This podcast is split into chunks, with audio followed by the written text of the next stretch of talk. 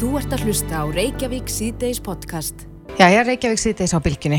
Í gær bárust fréttir af því að, að uh, þingmaðun okkur Já. hefur líst yfir þeim vilja sínum að kanna verði sérstaklega hvort að alþingi Íslendinga sé ekki vímuöfnulegs vinnustæður og síni þannig gott fordami. Þetta snýstu auðvitað um, um uh, afglæpavæðingar frumvarp Svandísar Svavastóttur og mér skilst að þingin hafi borist póstur og, og Ásmundur Friðriksson svaraði honum með, með þeim orðum að hann vilji láta kanna þetta. Já, ásmundur er á línni, kom til sæl. Það var daginn. Já, hvað likur þarna baki hjá þér? Þetta var bara hann að við fengum, fengum bara póstur og Jóni Norðfjörði í Sandgerði. Uh, hann er áhuga mál, maður um þessu mál, hefur oft rætt þetta við mig og, og hérna og ég svaraði honum tilbaka og, og yfirleitt þegar svona fjöldapóstur er þá, þá, þá, þá sendi ég nú bara á viðkomandi einstakling en ég gerði það með þessu tilfelli að senda bara alla hérna hópin tilbaka. Já, óvart. Nei, ekki óvart. Æ. Bjarni Harðara var búin að taka mig í kennslutöluðu þannig ég Nei, nei, ég, það var, var meðvitið ákvörðun að senda alla og, og hérna og ég stakk bara búið því, ég vegna þess að við eh, hérna Jón höfðum að skoða það fyrir nokkur árum, eða teimur án síðan að, að hérna, eins og það minnist á þessum posti að, að, að hérna að, að þessi afglapa væðing eins og bara fyrirtæki er að gera það minnist á hérna, Þorbjörnin og Ísafi og þeirri sem að og ég veit að hérna örgismiðstöðin og er allavega að security að segja með þetta hvað tímislagsmunum það, það þurfa að fara svona óvænt próf og svo ég stakk bara upp á því í þessum póstið tilbaka að, að hérna að þingmenn færi bara reglulegi frá próf Já. Þykir þér það Ég- réttlátt að gera það? en ég átti ekki dóla því að hérna að eitthvað þingmaður myndi svo senda þetta í, í fjölmiðla Nei, þetta átti ekki að rata í fjölmiðla. Nei, nei, Þetta átti svar ekki þitt. að vera til fjölmiðla. þetta, þetta, ég er, hérna, ég er, ég er orðin vanur því að ákveðin, ákveðin þingmenn við farið með málið í fjölmiðla sem að við erum að senda frá mill okkur. Það er til og með skerst bara inn, inn, í, inn í hópa í nefndum. Þannig, hérna, þetta átti alls ekkert að fara í fjölmiðla og hérna komir algjör óvart þegar að svona minn sendir mér hérna, skjáskota þessar frétti vísi. Já. En ertu á því ásmundur að, að svona próf verði gerð á þingi? Ég sko, ég hef kynnt mér það hjá, ég kynnti mér það hjá Þorbjörnum með Gundavík á þeim tíma þegar við Jón Málfjörður vorum að skoða þessi mál og ég ætlaði nú að gera eitthvað í því í þinginu á þeim tíma, það er svona tvö ár síðan. Að þar, þar að ræði það fyrirtæki engan í vinnu nema hann farið lækniskoðun og, og skrifir svo í hann upp á það að, að, hérna, að hann geti fyrirvaralust farið í, í, í svona próf, neyslu próf og, og þarf að allir þurfa undirgang og stað þegar við fara hérna í vinnu. Þetta hefur haft þau áhrif hjá þeim út í sjó til dæmis að það hefur slísum að fækka mun mikið, bara til munna mikið. Og, og hérna og, og bara frátafir frá vinnu starfsmanna vegna veikinda og annars líkt bara hafa snarbreyst eftir þetta. Og, og hérna og þetta er auðvitað út á sjó er það náttúrulega gríðast öryggisadrið að menn séu bara alls gáðir ekki bara út af sjálfum sér heldur út af þeim vinnufélagum sem er með þeim vegna þess að út á sjó er þetta mikið svona eh, hópvinna og, og þú þarf að treysta á, á næsta mann. Og þá er einskot að hann sé í lægi En þingstörfun eru nú ekki slík störf? Nei, þau eru það ekki. Og hérna, en ég held að sé hérna gott að við séum alveg allskáð þegar við tökum allar ákvarðanar og ég er ekki að gefa þeir skýna menn séu það ekki. Þannig að þessu var nú kasta svona bara milli og þessu hóps. En uh, ásmundur Freyriksson, hérna hefur þið fengið viðbröð inn á þingi við þessu? Nei, alveg bara, það, það er alveg, er alveg gæld viðbröðin en aftur á móti hef ég fengið gríðarlega viðbröð úr samfélaginu.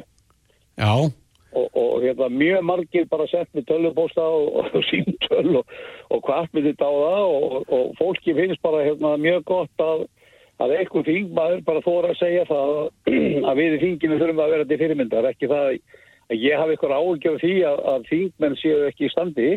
Nei.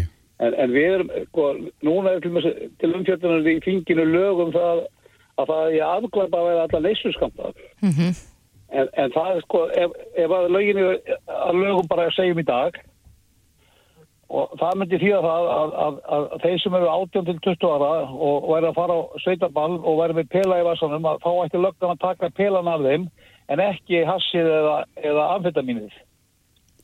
Það er ólöglegt að vera með brenningin almannafæri og, og 18-20 ára með ekki vera með það en, en lögin heim, heimila 18-20 ára að vera með neysluskamta og, og, og livsseðiskild lið til þess að geta og þetta er svo illa undirbúið og það er náttúrulega alveg kostulegt og það var kannski það sem ég var fyrst að svara Jóni vinni mínum er það að á sama tíma og Íslendingar og þekktir þessum allan heim fyrir að fara ráðum bestu manna í sóttvörnum sóttvarnarleiknis og, og öllum þeim sem eru fremstir í flokki á Íslandi og kunna skila þess málum að hlusta á þá og láta ekki pólitíkin að ráða í þessu ávana fíknabramáli sem ég var að skrifa um hann í gerð í svona hálfkjæliki til Jóns að þá sendir landlæknir og læknafélag Íslands og allir okkar helstu sérfræðingar umsagnir um þetta mál og segir þetta sé algjörlega út úr öllu korti.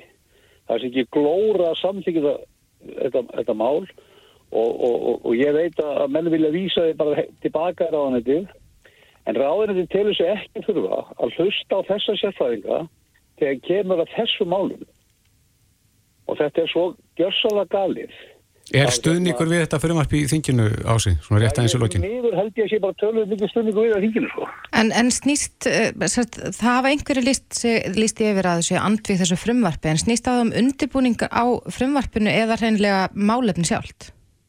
Ég held að sko að stóru hluta snýst á það að það var ekkit samráð haft við neitt, ekki, ekki S.A.A. ekki hérna læknafélagið, ekki landlækningsembætið og engan svona hérna aðila sem er á stjórna líðhelsumálum í landinu.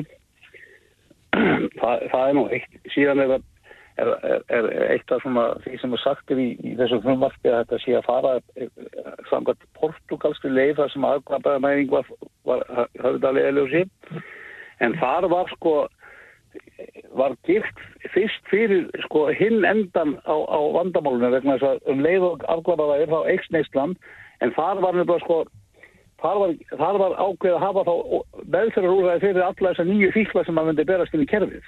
Af því ef þú tekur bara þessi lög og gerir svo ekkert á hinnumendanum, þá, þá er þetta sko algjörlega þæðilegt vegna þess að fíklunum fjölgar, sko, börn, átjánar og eldri, mega þessums lögulega verið með þetta, en það er ekkert getur alla hinna sem eru fyrir meðan átjánara og er trúlega stæsti hópurinn fyrir hassin á Íslandi þau eru bara hlutan lögin sko. Já, einmitt. En heldur þetta að fara í gegn? Ég bara trúi aldrei sko. En, en, en, en ég held að sé því miður að, að það séu ofmargið finginu sem að telja þetta sem lausnin. Já. Að ekki afklapaða að fólki þjóðina heldur sko að, að, að eiturlifi að væða þjóðina. Ásmundur Freiriksson, látum þetta vera loka orðin. Þingmaður sjálfstæðisflokksins. Kæra þakkir. Þú ert að hlusta á Reykjavík C-Days podcast. Jæja, Reykjavík þess að bildinu, við ætlum aðeins að snú okkur að vínum. Akkurat, en uh, nú hefur franst fyrirtæki sem heitir Santa Vines uh, opnað netverslun hér á landi. Er, er þetta franst fyrirtæki? Uh, það, þetta verslunin er fransk held Já. ég, en, en þetta er vefsíðan sante.is og þetta er einhverju í fyrsta sinn sem við getum keft vín af innlendum vörulagur án milligöngu áfengis og tópaksvæslunar ríkisins. Já, það hefur verið bent að það að Íslendingar hafa til þess að geta pantað af erlendum, hérna, evróskum netvæslunum og fengið víni sendt. En nú getur maður fengið, allavega hjá þessari síðu, getur maður fengið þetta bara afhengt frá vörulagur í Reykjavík. En eigandi þessari veslunar er Arnar Sigursson, uh, en hann hefur um ára byl flutt inn vín frá Fraklandi og er á línunni, kom til sæl. Kom til sæl já, margir klóra sér hans í kollinum yfir þessu að, að það sé hægt að panta vín á netinu og fá það aðfendt samdags án milligöngu átíð Er þetta allt samkvæmt lagana bókstaf? Já, já, ég held að flestir ættin á klóra sig yfir höfðinu að það sé komin til þess að fyrsta öldin og við þurfum ennþá að vera að fara að hafa milligöngum uh, nota hér ofnbæra sem milligöngu aðeina í löglegum neysluðurum. Það heldur sé nú að Mm -hmm. það að vera það skrítnast í þessu öllu saman. En hvernig er þetta? Er, er þetta franst fyrirtæki Eða Já. er þetta Íslands fyrirtæki? Nei, sko, ef við horfum á þetta bara aðskilið, að eh, þá er það þannig að innflutningurinn eh, er, er leifisháður eh, en þeim sem að þessi flytja inn vín vega að selja úr landi, eins og það heitir í lögunum. Og hérna, en það er ekkert deilt sérstaklega. Og uh, franska fyrirtækið hins vegar rekun néttastlun uh, í skíinu, þannig séð, uh, hún er síst erlendis, mm -hmm. greiðslugáttin er erlendis, þannig að uh, samningurinn um viðskiptin ásist að á, uh, sagt, í, í raun og veru utan lögsögu Íslands, þar sé að á, á netinu mm -hmm. og uh, greiðslan sömu leiðis. Nú, Akkurat. Aðfendingin að lokum er svo bara þriðji liðurinn í þessu og um það er svo sem heldur ekki deilt að fólk getur uh, fengið uh, Íslandspost og FedEx og DHL og, og slikt að legubýstur og sendubýstur til þess að aðfenda það þín. Það er ekkert, ekkert nýtt, svo nýtt í því sko. Nei. Uh, við notum að vísu dropp mest sem að það frábæra koncept sem er að, að hérna annarkort hindi fús eða, eða sækja næstu ennitstuð. En Arnar, heldur þú að, að ríki myndir hennilega græða á því að við, þú gætir verið með bara innlenda verslun og, og selt vín með þessum hætti? Já, ég, ég sko, við, við, við ættum náttúrulega að, að í raun og veru sko ekki vera að horfa til ríkisins sem einhvers konar hagsmunnaðilega, við ættum að horfa til almennings. E, sko, rekstur svona einhverna verslana, e, þetta kostar heilmikið fér og, og eitthvað, e, að, það er einhver sem borgar, sá, sá einhver eru þetta bara við öll. E, þetta er bara, þessi óindis rekstur er þetta e, rándýr og, og, og hérna tímaskekkja sem að ágita eiga sér staðfrekar heldur bara e, mjölkubúðunar hér forðum eða nú átjáðaferð hefur í gegnum tíðina verið með ímislegt fleira, það þeir hafa verið með einokun, voru með einokun í áður á, á elspítum, þetta er í hversu mörgum finnist það. Hljóma skynsalegt í dag. Eða hárvötn og ilmvötn voru og bökunardrópar voru líka háð einogunnarsöluleifi hér áður fyrr og alltaf heyrist einhverja aðranir um það að gósta almenningi sé nú treystandi til þess að uh, versla elspítur bökunardrópa eða hvaða nú er uh, þannig að, að hérna það er ekkert nýtt sólinn í þessu sko. það er alltaf höfða til hræðslunar mm. það er uh, það er engin hérna en En alminningur ánáttúrulega bara hafa þetta viðskiptafrensi, sko, við, við fullarið fólk á að sjálfsög að geta ráði því uh, hvar það vestlar löglega nýstlumur. Og uh, nú það væri mjög sérstakt uh, ef við hugsaum að við snúðum svona kannski aðeins við, sérstak, sérstaklega hlýða þessu máli, að, að hér á Íslandi er til dæmis framleitt áfengi og, og til útflutning bæði bjór og, og vín reyka, vodka til dæmis einstök vætel er flutt út í miklu stíl Nú það e, þættir nú kannski sagði til næsta bæri að það væri ólögulegt að selja slíkt úr landi eins og það hittir Nú e, það væri líka mjög sérstætt ef að þessir aðeila til dæmis þess að sem ég nefndi myndi nú setja upp e, netvæslan og bjóða, skulum segja bara reyka, vodka myndi bara bjóða neytendum Uh, sína vöru uh, beint á neitlilega löst í netverslun. Þá uh, kemur upp svo staða að í gildi er Afrópatilskipun sem að hérna bannar mismunum og grundvalli þjóðurnis í netverslun. Þar að segja hérna slík netverslun mætti ekki neita að selja til Íslanda. Mm -hmm. En Arnar, er farið að reyna á þetta? Þar að segja, er, er fólk farið að panta í gegnum þessa erlendu síðu og fá afhengt hér samdægus innanlands? Heldur betur. Og uh, stór hluti uh, konana undriði pantanum alltaf en, en og stór hluti af, af pantanum sækjamenn og, og hérna ég myndi nú bara segja að þetta sé svona hálgerð fjóðháttíðastemning hérna á garandanum eða, eða minnum mann kannski einn helst á því að bjórin var nú náðasamlega sleiður hérna Já, En eitthvað getur nú svona sagt að þetta sé þarna sé verið að fara eitthvað á krókaleiði lagalega séð, hefur þú fengið einhver ábendingar eða heimsóknir frá hennu ofnbæra? Nei, uh, ekki, ekki neitt sko mm -hmm. og hérna uh, enda, sko við erum alltaf með uh, ótal, við erum með reynda með þrjár lögfræðistofur sem hafa gefið okkur lögfræði álit á þessu farið yfir þetta, við erum búin að eiga alveg stór fjö í þetta sko, allan, allan endurbúningi í þessu og mm -hmm. það hefur enginn getað að fundið veika bletta á þessu fyrirkomalegi, sko lagalega sér. Já, en eh, Arnar, þú hefur nú kvarta til neytendastofi yfir því að átjóðafæri noti heitið Vínbúðin um starfsemi sína. Uh, telur þetta brjóta í báa við lög að, að uh, í raun og vera ríkið segist heita Vínbúðin? Já, já, sko átíðaferð, sérstaklega sakart lögum, þá, þá heitir sérstaklega þetta áfengis, bandstrygg, skástrygg, tópaksverslun ríkisins. Það er það sem að hangir á kennitunum sem að það geta flettu. Það er ekkit í lögu sem að heimilar áfengis og tópaksverslun ríkisins að breyta nafninu sinni í eitthvað sem heitir vínbúðin. Svona almenn heiti eru ekki notuð. Ég menna það er enginn sem heitir maturubúðin. Mm -hmm. uh, og þættir nú kannski einhverju sérstatt ef einhver tæki upp nafni maturubúðin og, og, og lísti svo bara opnum og nokkun og allir maturubúðin uh, það eru einfallega bara fleiri aðeinar að selja vín á, á Íslandi og það eru fleiri vínbúðir, það sé okkar og fleiri og þeir hafa ekkert með það að gera að, að sko neytendastofa er, er, er bara mjög skýr í því að það er allt bannað sem er uh, sko, mis, sko heitir afvegarlega neytendur Og þú telur þetta af að leða neytendur? Já, þetta er ekkit annað sko. Já, það verður spennand að sjá hvað neytendastofa segir við þessu. Uh, Arnar Sigursson, eigandi Sandevæns, kæra þakki fyrir þetta. Já, takk sem þess. Hlustaðu hvena sem er á Reykjavík C-Days podcast. Reykjavík C-Days á bylgin heldur áfram. Um, það hefur verið holskepla af sögum að berast á samfélagsmiðlum.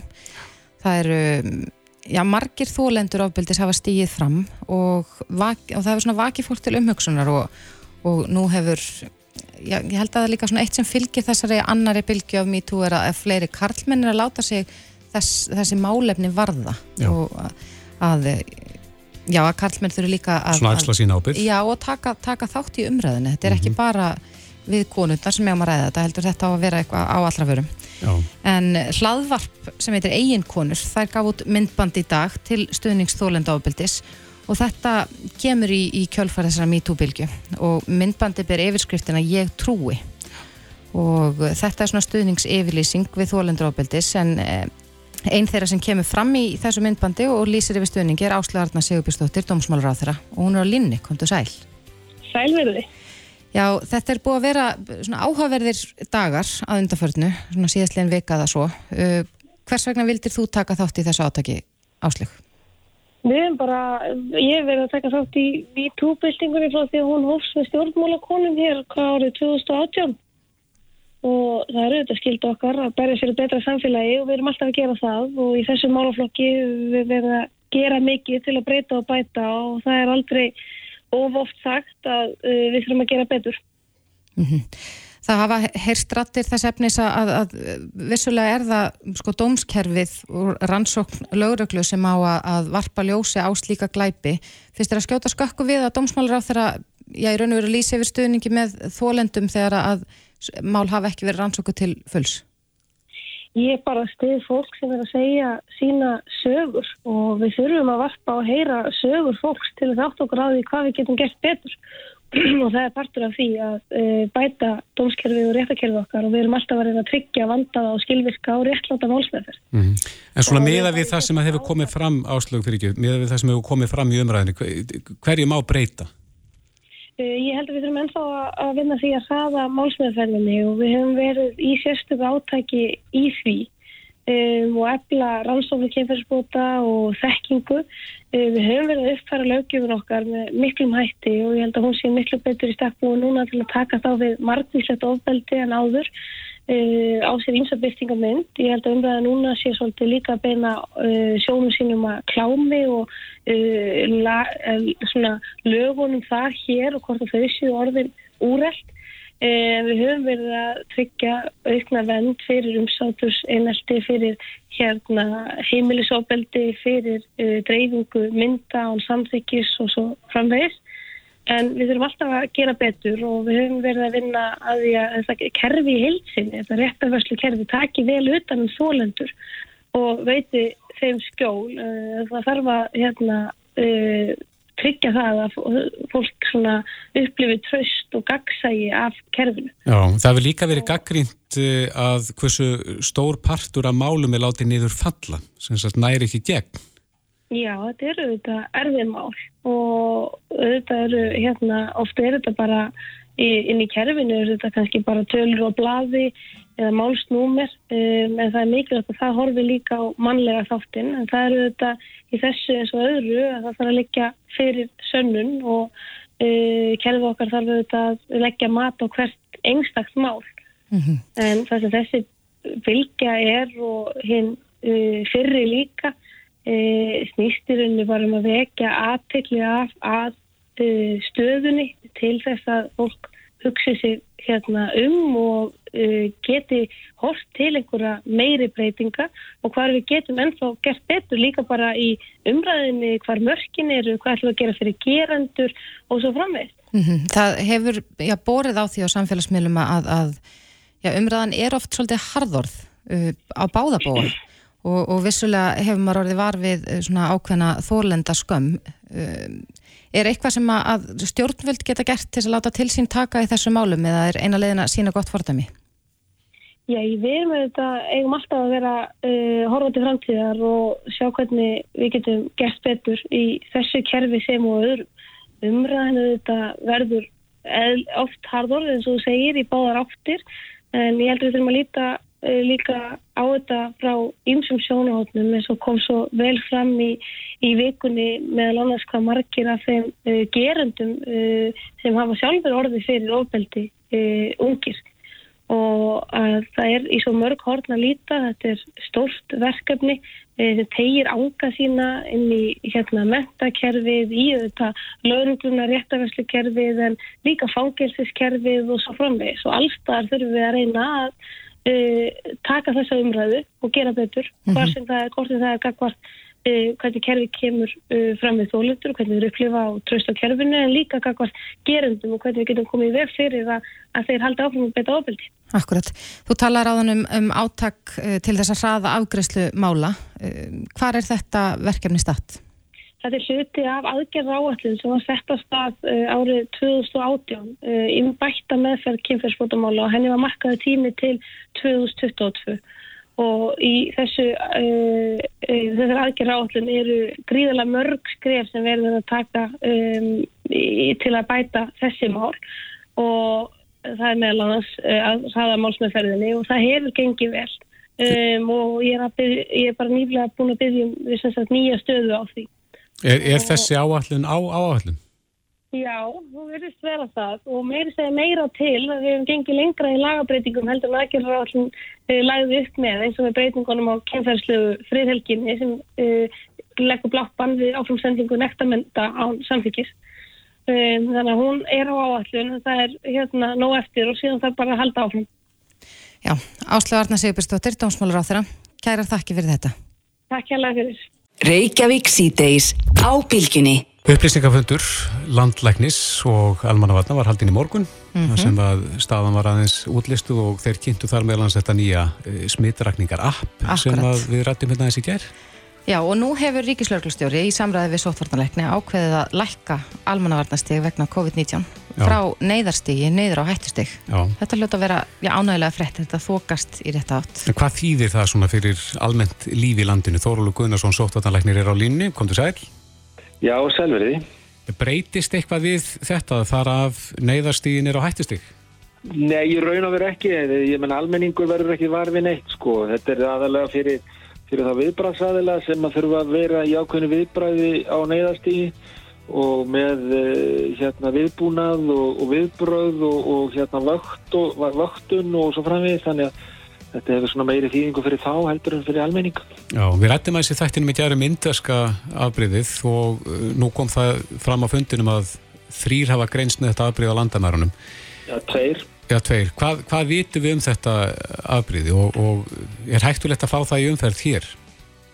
Já, við vitum náttúrulega ekki alveg nóg um þetta afbríði og það var nú bara að segja þess að vera. Við vitum hins vegar að menn telja það að, að þetta sé svona meira smítandi heldur en fyrri afbríði en hvort það er eitthvað meira smítandi heldur en þetta breska afbríði, það þór ég nú ekki að segja til um en þurfum aðeins að reikna sig niður andra niðurstöðu um það og það er ekki komið en þá.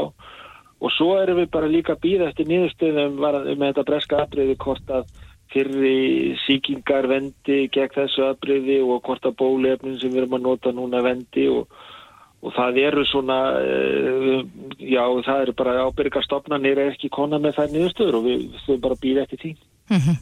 Við sáum í frettum að Alþjóð helbreyðstofnin vinnur núna því að, að fara yfir gögg frá Seychelles eigum en þar hefur yfirlega sko, þriðjungur þeirra sem að greinst hafa með COVID síðustu vikur verið full bólusettir. Er, er einhver þörf á því að hafa ágjur af þessu? Já, sko þessar frétti voru nú einhvern veginn missísandi fannst mér. Ég gæti nú ekki lesið annað en að það hefði verið stór hluti þeirra sem hefði veikst alvarlega, hefði annarkvært ekki fengið neina bólusetningu eða bara eitt skamt eh, en ekki tvo. Þannig að, eh, þannig að þetta er svona uh, og það var vera að tala um hann þessi tvei bólefni frá AstraZeneca og þetta kínverska mm -hmm. bólefni þannig að, þannig að uh, við munum eftir að fá bara betri niðurstöður af þessu er hvort þetta afbríð sem þar var að geisa hvort að, hvort að það bólefni virki ekki gegn því eða, eða hvernig, hvernig stendur hvernig liggur í þessu eða mm -hmm. Eitt sem að ég hef heyrt fleikt fram er að menn alltaf fara að gera tilhörnum með að blanda saman tveimu bóluefnum. Það er að segja frá tveimu framlegendum. Hef, hefur það eitthvað verið skoðað hér? Ekki hérna, en það eru, það, menn er að skoða það víða Erlendis að gefa fyrsta, fyrir skamtin með einu frá einu framlegenda og annan skamtin frá hinnum og hvort að það hefur einhver áhrif á aukaverkanir og hvort að það hefur einhver áhrif á hérna mótefnamyndunina og, og svona og það er bara verið að skoða það og það er ekki, ég held að fá mikið nýðustöðu úr þessu almennilega fyrir, fyrir núna í júni ég, ég er búin að heyra svona bráðabyrða uppgjör og, og það er svona erfitt að segja eitthvað ákveðið um það en, en jújú, jú, menn eru bara að skoða þetta. Og svo eru náttúrulega margir sem eru bara að bjóða þeim sem hafa fengið fyrir skamtur með Astra er að bjóða þeim setni skamtur með öðru bólefni, þetta er svona partur af því. Já, er, er þá hugmyndin þar að bæti að það náir svona breyðvirkari virkni, ef maður orða það þannig? Nei, nei, það er ekki, ég hugsa að það er ekki neyn áhrif af virkni, það mennur aðalega að tala um það að ef að hættan á aukaverkunum er eitthvað meiri við annað bólefni það að þá sé kannski ráðlegt að gera eitthvað annað uh, bólefni en, en það er, menn er nú ekki endilega að skoða það hvort að virkmin breytist eitthvað, já, hún ekki vonið að það verði. Mm -hmm. En í síðustu viku var, var kynnt að þeir sem fengu fyrirspröytu með bólefni AstraZeneca áður en að það var ákveð að takmarka nótkunna við ákveðna hópa, uh, geta nú já. valið um að fá setnispröytuna með AstraZeneca eða annað bólefni. Erum við þá já. að tala um að, að, að sá sem fekk einstaklingur sem hefur fengið fyrirspröytuna af AstraZeneca geti þá fengið setninsbrautuna af uh, til dæmis Pfizer? Já, það er akkurat þannig og sérstaklega þegar við erum að tala um, um hérna hvern menn yngre en 55 ára sem við erum ekki að gefa það bólefni og ef þeir hafa fengið fyrir skaftin að þá geta, geta valið um hvort þau viljið fá setnin, það er margir sem vilja fá bara setninskaftin aftur fengur bara, þóldu bólefnum bara mjög vel og fengur litla sem engar aukaverkan og vilja þess að bara fá bólefnið aftur mhm. -huh. Er farið að reyna á þetta? Já, það er eitthvað að fara að reyna á þetta eh, bara eftir því hvernig bólefnin koma. Ég ætlum að það var aðeins mistök í, í sendingunni þannig að e, hvort að fólk geti valið fyrst eh, AstraZeneca eða, eða þá hinn, hinn bólefnin eða öfugt það var svona aðeins smá rugglingur í því en, en, en ég held að þetta ég ganga bara vel fyrir sín núna. Þannig að ef aftur með einhver sem er bólusettur fyrst með AstraZeneca og er bóðað svo aftur í AstraZeneca og hann mætir ekki það þarf ekki að láta vita, þá verður hann bóðaður í hittbólefni eitthvað svona viku setna eða svo. Akkurat. Uh, hversu margir einstaklingar eru þetta, Þorlu, sem að þarna heyrundir? Ég þór ekki að segja það, ég, ég veit ekki nákvæmlega. Nei, en Þorlu, ertu bjart síðan á að, að við getum já, slakað á sóttarðaraðgerum innanlands á næstu vikum? miða við gangi bólusetningum? Já, já, ég er mjög bjart síðan á það. Mér finnst þetta ganga bara ótrúlega vel. Það er, það er náttúrulega svona óráleiki minnur orðinu þreyttir og, og, og svona eh, ergilegir sem er hverjir bara yfir þessu öllu og það er ekki að lána einu það en, en við erum að fara í rétta átt og, og erum bara að fara nokkur hratt, við erum að bólusetja mjög marga, við erum búin að bólusetja eitthvað um uh, tæplega 150.000 mann sem er búin að fá fyrst, fyrstu spröytu og og við erum, erum ágætist tök á þessu hérna innanlands við erum að greina einn og einn sem er að fruta sóttkví en ekki, ekki neitt meira en það. Þannig að finnst við hafa góð tök á þessu. Og svo erum við með bara góð tök á landamærunum. Það er náttúrulega, er að aukast þar ferðamannaströymurinn og við þurfum aðeins að endur skoða það. Eru vartirna þar að halda? Já, ég myndi segja það þær eru að, þær eru að halda og, og hérna Þannig við erum að reyna að halda þessu svona út þannig að við fáum svona 60 til 70% af þjóðinni bólusetta. Þá er ég að tala um bara á öllum aldri. Það er það hjarðónemi sem við erum að tala um. Og þegar við erum komin á, á, á svona nokkur einn á þann stað þá, þá erum við komin bara í doldið góð mál en við gætum bara fljótlega í júni myndi ég halda ef allt gengur upp farið að slaka líka verulega á landamærunum og slaka á þessu öllu þetta er verulega dýrt og íþingjandi allt sem við erum að gera en þetta er eins örugt eins og, eins og við getum haft það held ég. Já, og það er farið að bóða fólk, er það ekki bara eftir slempi úrtökum í bólusetningu? Já, það er kannski ekki alveg byrjað en þessa bólusetning sem hefur í gangi hjá bæði fólki með undirleikjandi áhættu og svo hjá kennurum og, og svona fólki í félagsþjónustunni að þá hefur þetta verið svona þvert á aldursópa, þetta hefur ekkit verið alveg ríkbundi við aldurskiptingu þannig að við getum sagt að þetta er svona nokkuð nokkuð, nokkuð skona slempi úrtak þó að sé það nú ekki alveg að fullu leiti. Nei, en við heyrim að það er bjartu tótniður, svona kannski meir en venjulega. Já, ég, ég sit hérna, ég, ég, nei, ég er nú ekki búin að þúnbyrðislegur venjulega þannig að... Nei, alls ekki. Nei, ég er bara bjöð bjartur, ég horfi hérna yfir flóan og mér finnst þetta líta allt vel út. Glæsilegt. Þorlu Guðnarsson, Sjóþvartanleiknis, kæra þakki fyrir þetta. Sumulegis, takk, takk. Þetta er Reykjavík C-Days podcast. Reykjavík síðdeis á bylginu heldur áfram. Um, við heyrðum af því í morgun að samfélkingin muni leggja fram þingsáltunum til lög og þetta snýst um sko úrræði gegn atvinnuleysi. Mm -hmm. Þetta var kynnt í morgun, það voru já, nokkri sem að, að kynntu þetta voru Otni Haraldóttir, Lógi Einarsson og Kristrún Frostadóttir voru meðal þeirra sem að, að stóðu fyrir þessari kynningu en það eru ymsar aðgerið þarna til dæmis að eh, tvöfalda persónafslátt eftir atvinnuleysi og svo viljaði styrkja viðburði listafólks. Þetta er vantarlega innleg í kostningabartu sem að er að hefjast. Kristrún Frástatóttir er komin til okkar, velkomin. Góðan daginn. Þú ert í fyrsta sæti uh, í næstu kostningum hjá samfélkingunni Reykjavík Suður. Mikið rétt. Þannig að tekur þetta það, þetta verður bara kostningaplaggið? Þetta er upptaktur mm -hmm. að kostningaplaggi, myndi ég segja. Það eru ákveðinu aðgerið sem okkur finnst mikilvægt að verði ráðist í núna í upphafi sumars. Þannig að þegar við tökum við í umræðin í haust, þar sem að allir flokkar fara fullt í að dranda kostninga að, að hérna, setja e, sín steflumál á kortið, að það séu með frjóri jarðveg. Svo þetta er í rauninni bara svona lítill hluti af því sem við viljum sjá gerast mm -hmm. og er kannski freka svona innlegin í umræðinu um hvernig við viljum bara tala um efnaðsmálinn, hvernig við viljum tala um hagkerfið og ríkisfjármálinn og erum í þessu tilviki að leggja áherslu á atvinnuleysa og ungt fólk. Ungt fólk er að útskrifast núna, það er að fara í, í hérna, sömastörfin sín, um, það er með huga með framtíðina um, þrátt fyrir að sé að mörguleiti bjartara framöndan en hefur verið, þá eru ennþá hérna 20.000 manns á natvinni og við vonum þetta gangi vel í sumar en það er ennþá svolítið óvisa með haustið þannig að þetta er innleg inn í umræðina núna svo við getum átt árangursríkari samtal í haust í kostningabartunni mm -hmm. En þetta eru sex aðgerðir Já. sem þið kynntuð Hverjar eru þess aðgerð? Sko, stóra aðgerðin í þessu er tvöföldum personafsluttar fyrir þá sem er að snúa aftur til vinna eftir atvinnuleysi og það sem við erum að hugsa um þarna er að það er hópur af fólki sem hefur upplifað gríðalegt tekifall í þessu ástandi. Um, þetta, er, þetta er að mestuleitu hópur sem er atunleus út af náttúrhanfurum það þurft að loka á hvernig starfsemi hérna, fyrirtæki þurft að minga við sig ferðarþjónusturinn hálpart þurftu bara að skelli lás og það eru þúsundur einstaklingar sem hafa þurft að líða fyrir þetta. Við erum vissulega með atunleisistreikingarkerfið en þetta eru auðvitað bara skildu tryggingakerfi fólk eru auðvitað búin að mm. borga inn í þetta alla sína æfi um, og við, okkur finnst eðlilegt að þeir hópar, sérstaklega hópar sem er á millitekjum og, og, og neðar þeir fái upp meira tekjutap en sem nefnur þessum grunnbótum sem það er fara á venna þess að þetta eru týjir þúsunda sem muna á útgreifslu uh, grunnatunleysinsbóta og almennum launum Hva, Hver er vermiðin á þessari tilugum? Vermiðin á þessari tillög, sko heildir pakka, pakkin í heilsinni, svo tölunum bara eins og það, eru 18 miljardar króna og svo ég seti það í samingi að það er jafn gildi kostnaðar 30% atvinnuleysi á einu ári. Það kostar ríkisjóð 6 miljardar 1% atvinnuleysistig.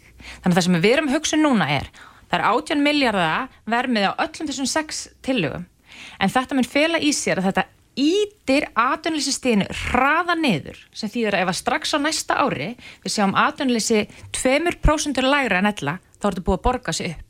Og þetta er það sem við viljum byrja að tala um ekki bara kostna í dag heldur kostnað í framtíðinni. Fólk hefur ágjör að halla ríkisjós í dag. Ég hef ágjör að, að halla ríkisjós á næst ári, þar næst ári, árið þar eftir. Vegna þess að, að sko, við sjáum það í tillögum ríkistjórnarinnar að það er gert að ráðfyrir að veri greitt 200 miljardar króna í atvinnlýsinsbætur til ársins 2025. Ef við aukum virkni þá drögum þessum kostnæði. Þannig að það má í rauninni segja að personafslætturinn, sko, hann kemur ekki til fyrir fólk að byrja að vinna aftur, fyrir en ríki er hægt að borga þeim bætur. Þannig að þetta er auka 50.000 krónir á mánuði en að sama skapi þarf fólk ekki lengur að vera á bótum, það komi í vinnu, ráðningu, þetta er virt vinnumarkasúræði. Mm. Svo móti eru við líka með að ákvæmna hvata aðra þætti eins og við viljum framlengja ráðningastyrkina til fyrirtækja. Núna eru þeir bara til 6 mánuði og við segjum þetta er frábært úrræði en við hefum líka ágjur að það koma hika fyrirtækjum í haust. Einhver hafa ágjur á því að vilja ekki taka einn einstakling í vinnu venast þeir veit ekki hvernig sömarið muni þróast. Við viljum bara koma í vekk fyrir allt heiku núna. Þetta er bara svona auka vindur í bakið, þetta vinnur með tilögum stjórnvalda, um, við erum að segja að það er ýmislegt gott aðna en það þarf að herða ákveðin hlutum og sérstaklega þarf líka að taka á þessu tekjufalli hjá þessum heimilum, þannig að þetta er bara skuldavandi sem getur skapast þar og þetta er framtíð kostnar fyrir þetta fólk og fyrir ríkisjóð líka. En þeir, líka, þeir vil líka hækka grunn atvinnulegsbætur, ekki satt? Eh, að það, það er hækku upp í 95% af lámarslaunum eins og þau eru í dag?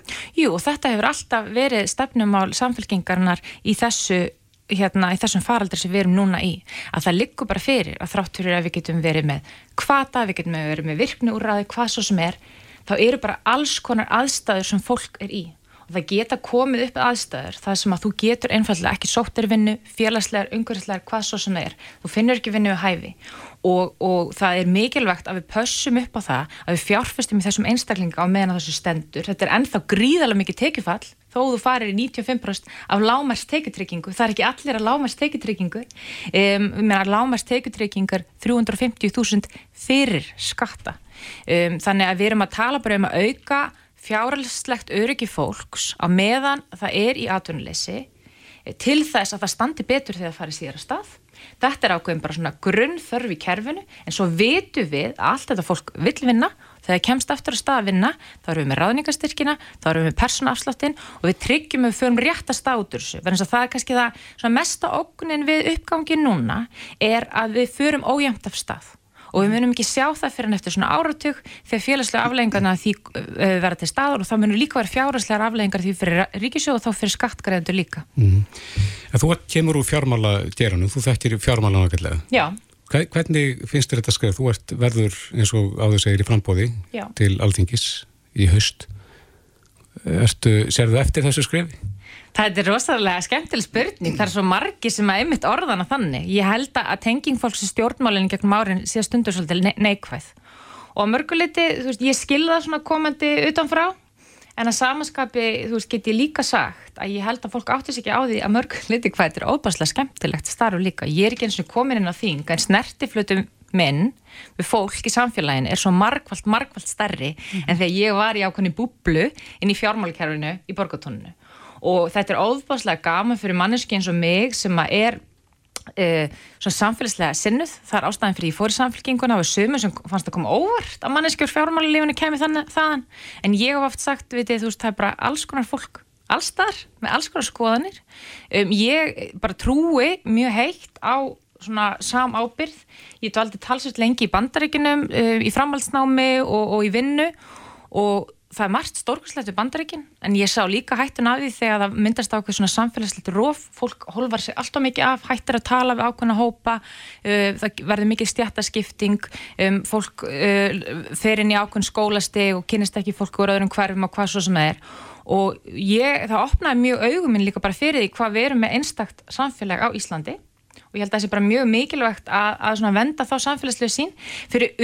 að að mig langar bara svolítið af svona flokkar sem eru vinstra með með miðju um, fái aukinn kraft í efnaðsmálumræðinu. Þetta er oft hægri flokkarnir sem að eigna sér þetta, sem er mjög áhugavert verðan að það áhuga að verðast að í efnaðsmálufræðum í dag er að gerast á vinstri vagnum menn sjáu bara hvað bætin er að gera í bandaríkunum það er því líkt pustar þannig að það er mikil gerjun, þetta er mjög spennandi staður til þess að vera hagfræðingur, efnaðsmála sérfræðingur í dag og líka lefa sér að vera svolítið pólitískur þannig að þetta er bara mjög, mjög skemmtilega aukverð Já, við óskum þér og ykkur, eh, kannski að bara byrja að segja það að þetta, þessar aðgerið verða lagðar fram á alþingi.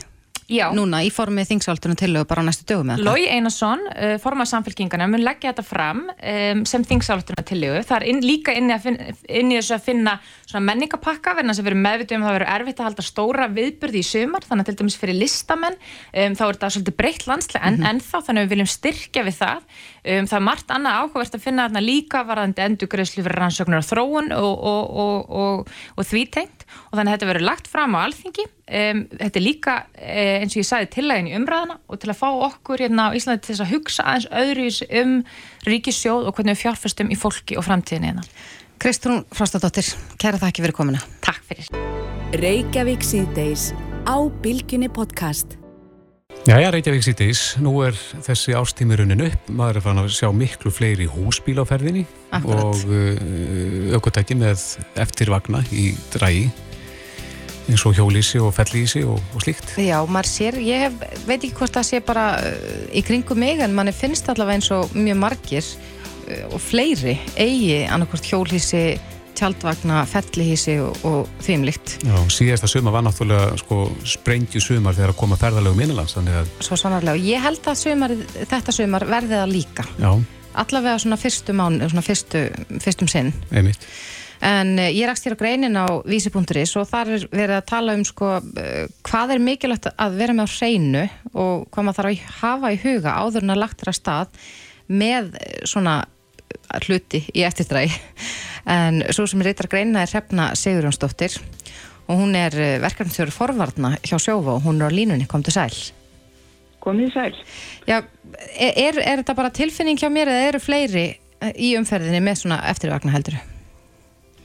Eh, þetta jógst alveg síðasta sumar þegar fólk var nú að ferðast svona mikið meir innanlands og, og ekki að fara utan mm -hmm. þá hérna það er alveg rétt, þá erum við vörð við fleiri, fleiri tjaldvagna og hjólísi á ferðinni mm -hmm. Kunna allir að aka með svona aftan í?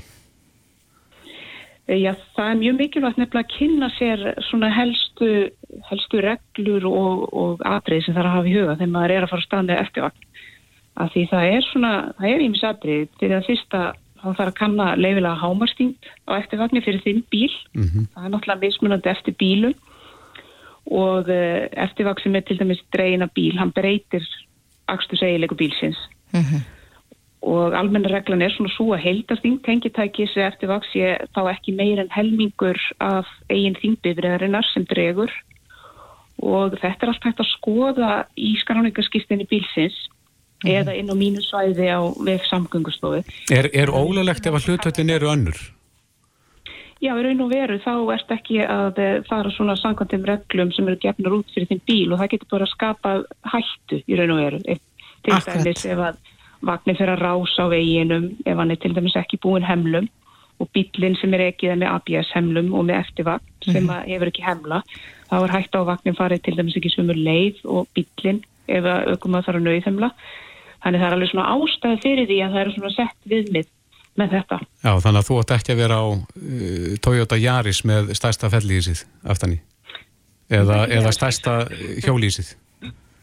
Nei og það er bara uh, mikilvægt að kanna þetta spáður en haldið er að stað og þetta mm -hmm. er hérna sínt bæð á vef samgöngustofu og inn á sjóa.is það er svona sér síðan eftirvagn og þá er hægt að sjá þetta svona skýrt og með skýringamyndum Akkurat, en hérna er maður treyður ef maður lendur í tjóni og ég er á jarisnum mínum að draga stærsta fellísi sem ég fann uh, Tryggingarnar þarf náttúrulega alltaf að skoða einmitt með tilliti til þess hvað þú er með í höndunum og til dæmis -hmm. er ekkit allir sem átt að segja á því að það þarf að að þú vilt kaskotryggja eftirvagn og þarfst að gera það sérstaklega Akkurat. og það er ekki nóg að fara bara inn á VF samgöngustofu þú veist að skrá tækið og hakar við að eh, eftir að missi tryggdur þá halda margir að þá fari sjálfkraf í ganga eitthvað ferli eh, þannig að vagnir verði tryggdur mm -hmm.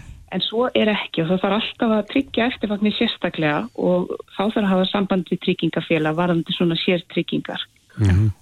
En má hver sem er eh, vera með svona stór fellísi eða, eða hjólísi og þannig eftirdræð ég, ég tel mér nú vera nokkur unga ég tók bílpróf fyrir, já hvað 15-16 árum síðan eða eitthvað mm -hmm.